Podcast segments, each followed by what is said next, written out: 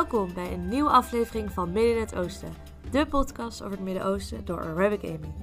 Tijdens deze aflevering ga ik het hebben over Libanon, een land dat momenteel verkeert in een van de grootste crisissen in de geschiedenis van het land. Binnen 20 minuten zullen jullie veel meer weten over de geschiedenis, het politieke stelsel en natuurlijk de verschrikkelijke ramp van twee maanden geleden. Op 4 augustus 2020 ontplofte er in de haven van Beirut een lading van meer dan 2700 ton ammoniumnitraat. Deze ontploffing scheurde een stad aan flarden en heropende wonden voor de al zeer kwetsbare bevolking van Libanon. Die al te maken had met politieke onrust, een economische crisis en natuurlijk de wereldwijde COVID-19-pandemie. Vragen zoals waarom deze enorme voorraad zes jaar lang was opgeslagen in de haven van Beirut gaan de hele wereld over. Havenautoriteiten, de rechterlijke macht en vermoedelijk ook nog andere hooggeplaatsten zouden hiervan op de hoogte zijn geweest. Van een tijdbom die midden in de stad bleef liggen tikken.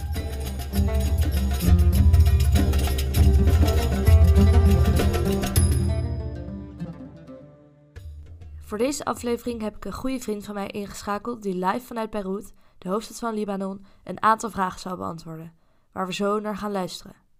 Voordat we hier verder op ingaan, zal ik eerst even wat algemene details over Libanon en haar geschiedenis geven.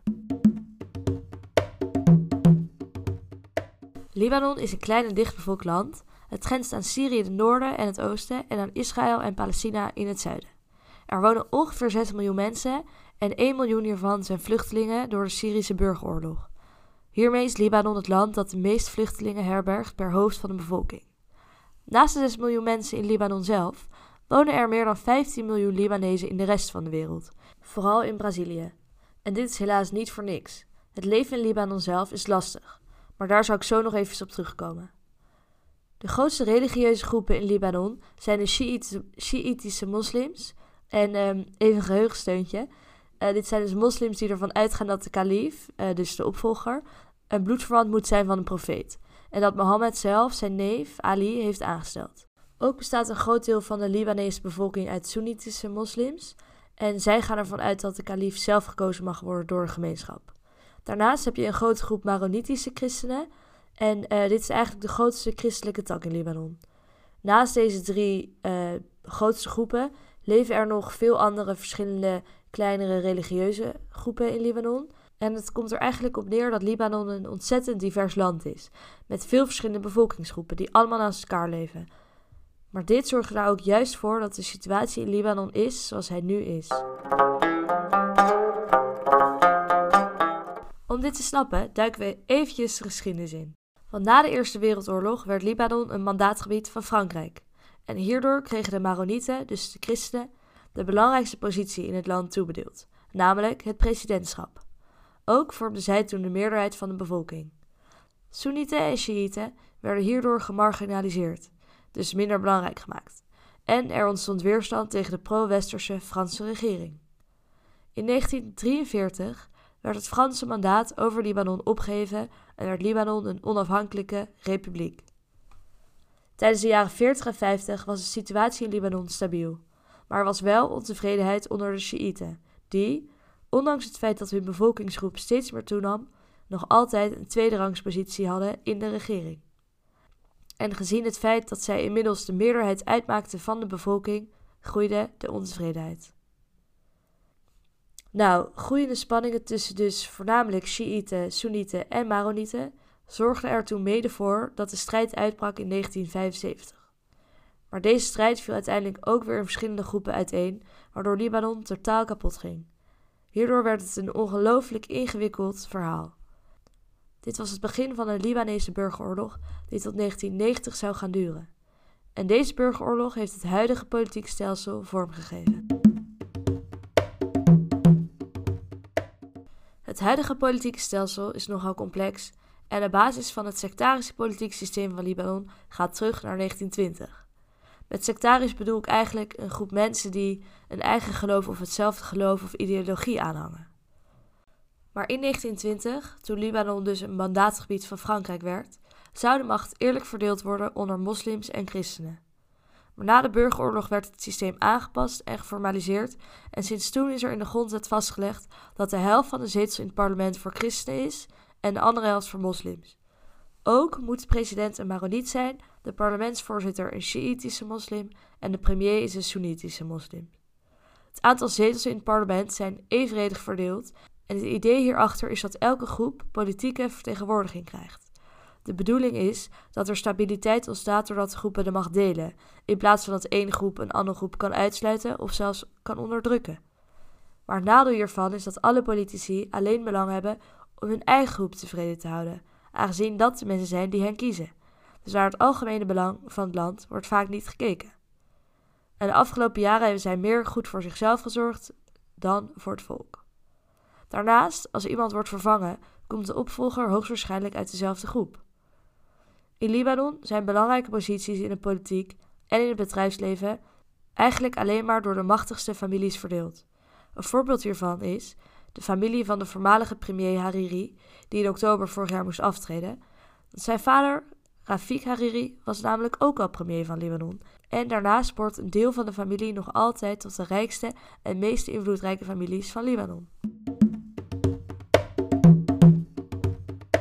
Als we even inzoomen op de politieke situatie hoe het nu is, gaat het niet al te best. De Libanezen willen, naar eigen zeggen, af van hun corrupte leiders, vriendjespolitiek en de politieke elite. Het land verkeert al lange tijd in een politieke, economische en financiële crisis.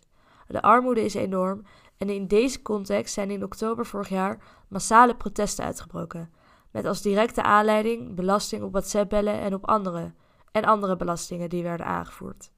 Demonstranten zeiden over de regering: Het zijn geen rotte appels, het is de hele boomgaard. Nou, dit geeft denk ik wel aan dat de Libanezen er echt klaar mee waren en uh, nou ja, dat de, dat de situatie echt moest verbeteren in het land. De regering trad af en in januari was er pas een nieuwe regering aangesteld onder leiding van premier Diab.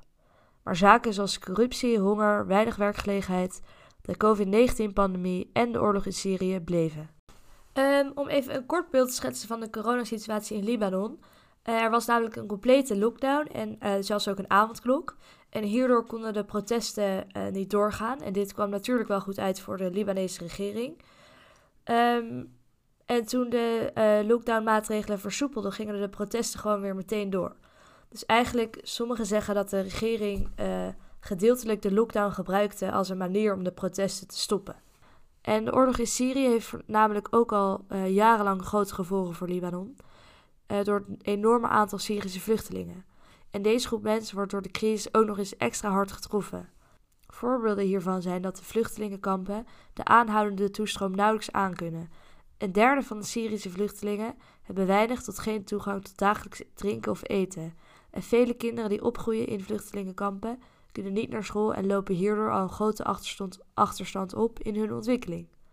Maar deze problemen en de situatie van Syrische vluchtelingen is eigenlijk al een heel verhaal op zich. Dus daar ga ik nu niet te veel verder op in. En wie weet komt hier binnenkort eh, nog een andere aflevering over. Maar helaas bleven de protesten doorgaan en was de druppel die de emmer liet overlopen de verschrikkelijke explosie in augustus. Op 4 augustus in de haven van Beirut ontplofte een enorme lading ammoniumnitraat. De beelden van voor, tijdens en na de explosie staan overal en staan vast ook op je netvlies. Ze werden binnen no time verspreid over het internet. De woede onder de Libanese bevolking is alleen maar gegroeid. Ze zijn boos op degenen die hier verantwoordelijk voor zijn. Maar de Libanese politici blijven naar elkaar wijzen en niemand neemt verantwoordelijkheid voor de explosie. Niemand van de overheid is naar de mensen toegegaan om de bevolking te condoleren met het verlies of een hart onder de riem te steken. Pas na vijf dagen bezocht de president de haven om de schade te bekijken. De mensen in Beirut zijn moe en zeggen: Het zijn niet de buitenlanders, het is niet de financiële crisis of de coronapandemie, jullie zijn het, wijzend naar de regering. Wij zijn ons land verloren, klinkt het vanuit Libanon op de sociale media. De regering trad een paar dagen later af, dus de tweede regering in een half jaar tijd is afgetreden. Maar de protesten gaan nog door, dag in en dag uit. Frustraties over de corrupte overheid waren er al, maar nu er niks is gebeurd om de mensen te helpen na de explosie, is de maat vol. Vooral gezien het feit dat driekwart van de bevolking al hulp nodig had voor de explosie, volgens de Verenigde Naties. Een extra factor aan het hele verhaal is Hezbollah in Libanon. Dit is een politieke partij van Sjiïtische moslims. Zij zitten dus samen met christenen en soenieten in de Libanese regering. en zij zit voornamelijk in het zuiden van Libanon. Hezbollah wordt gesteund door Iran en dit is dan ook het grote voorbeeld van de partij. Iran gebruikt Hezbollah als een soort proxyoorlog om hun ideologie te verspreiden in de regio. Hezbollah wordt gezien als een verzetsbeweging in de ogen van de Arabische wereld, maar tegelijkertijd als een terroristische organisatie voor het Westen en Israël. Hezbollah heeft volgens velen de touwtjes stevig in handen in de regering. We zouden kunnen zeggen dat zij het bepalen in het land. Ze hebben de haven en het vliegveld in hun macht en eigenlijk de macht over alle toegangswegen in Libanon. De rol van Hezbollah in de explosie is niet duidelijk. Libanese burgers achten de kans groot dat Hezbollah hierbij betrokken was, maar omdat geen enkele partij verantwoordelijkheid op zich neemt, weten we het niet. Ik denk dat er eigenlijk geen betere manier is om de situatie te begrijpen dan om te luisteren naar de mensen in Beirut zelf. En hierom heb ik mijn goede Libanese vriend Liwa over de situatie in Beirut gevraagd. Hij is 22 jaar oud en woont al zijn hele leven in Beirut. En we gaan nu even luisteren naar zijn visie op de situatie. Hey there, this is Liwa. So, how the current situation in Beirut is right now? Um, the situation in Beirut right now is hectic and it's in chaos because uh, the whole city has been destroyed. The port does not exist anymore. Uh, everything that was in the warehouses that was in stock for all the Lebanese was destroyed or burnt. Uh, it's not uh, there anymore. Uh, the city has faced many casualties, and uh, it's just like a horrific event that happened to us. The population is right now is terrified of what happened. Uh, they are just living in fear because um, it's just not something easy to have uh, to face during these hard times, especially with the pandemic happening.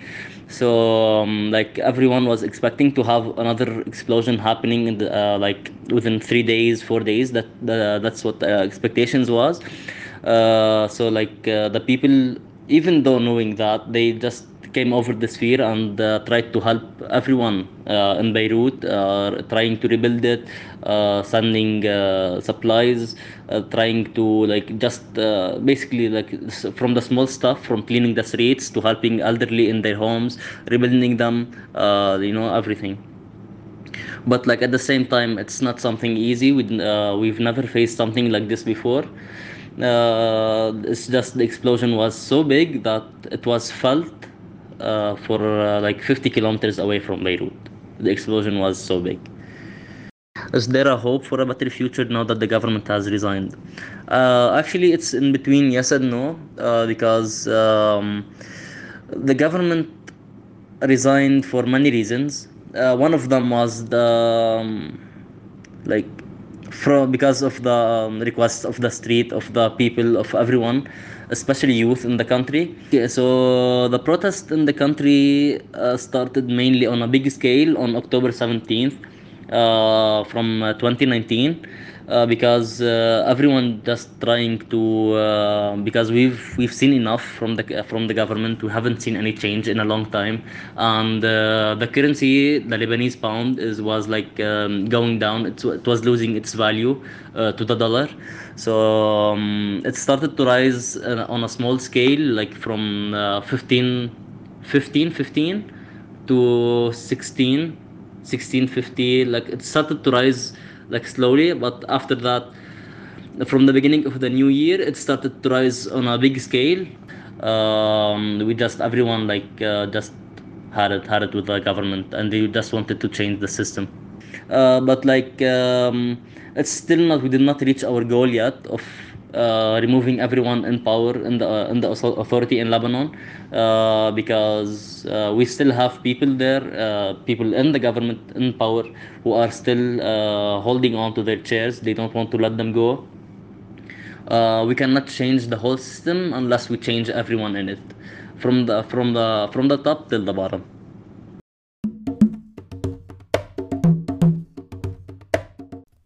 Erg interessant en duidelijk om het eh, zo te horen van iemand die daadwerkelijk in het midden van eh, ja, eh, al het puin woont, zo maar te zeggen. Ehm, de situatie is hectisch en de stad verkeert in chaos. De hele stad is verwoest. Dit staat eigenlijk symbool voor de situatie in het hele land. Het komt dus niet alleen door de explosie. De enorme armoede, politieke, economische en financiële crisis die al jaren spelen, zijn hier een grote rol in. De bevolking is bang en is klaar voor grote, serieuze veranderingen in het land. En als we even kijken naar wat Liwa zegt. De regering is dan wel afgetreden, maar de gevolgen blijven. Het doel is om iedereen in de macht in de Libanese regering weg te krijgen. En dit is vooralsnog niet gebeurd. Het systeem kan niet veranderd worden zonder dat elke persoon zelf in het systeem ook verandert. Het feit dat Beirut vroeger het Parijs van het Midden-Oosten werd genoemd, is nu bijna niet meer te bevatten.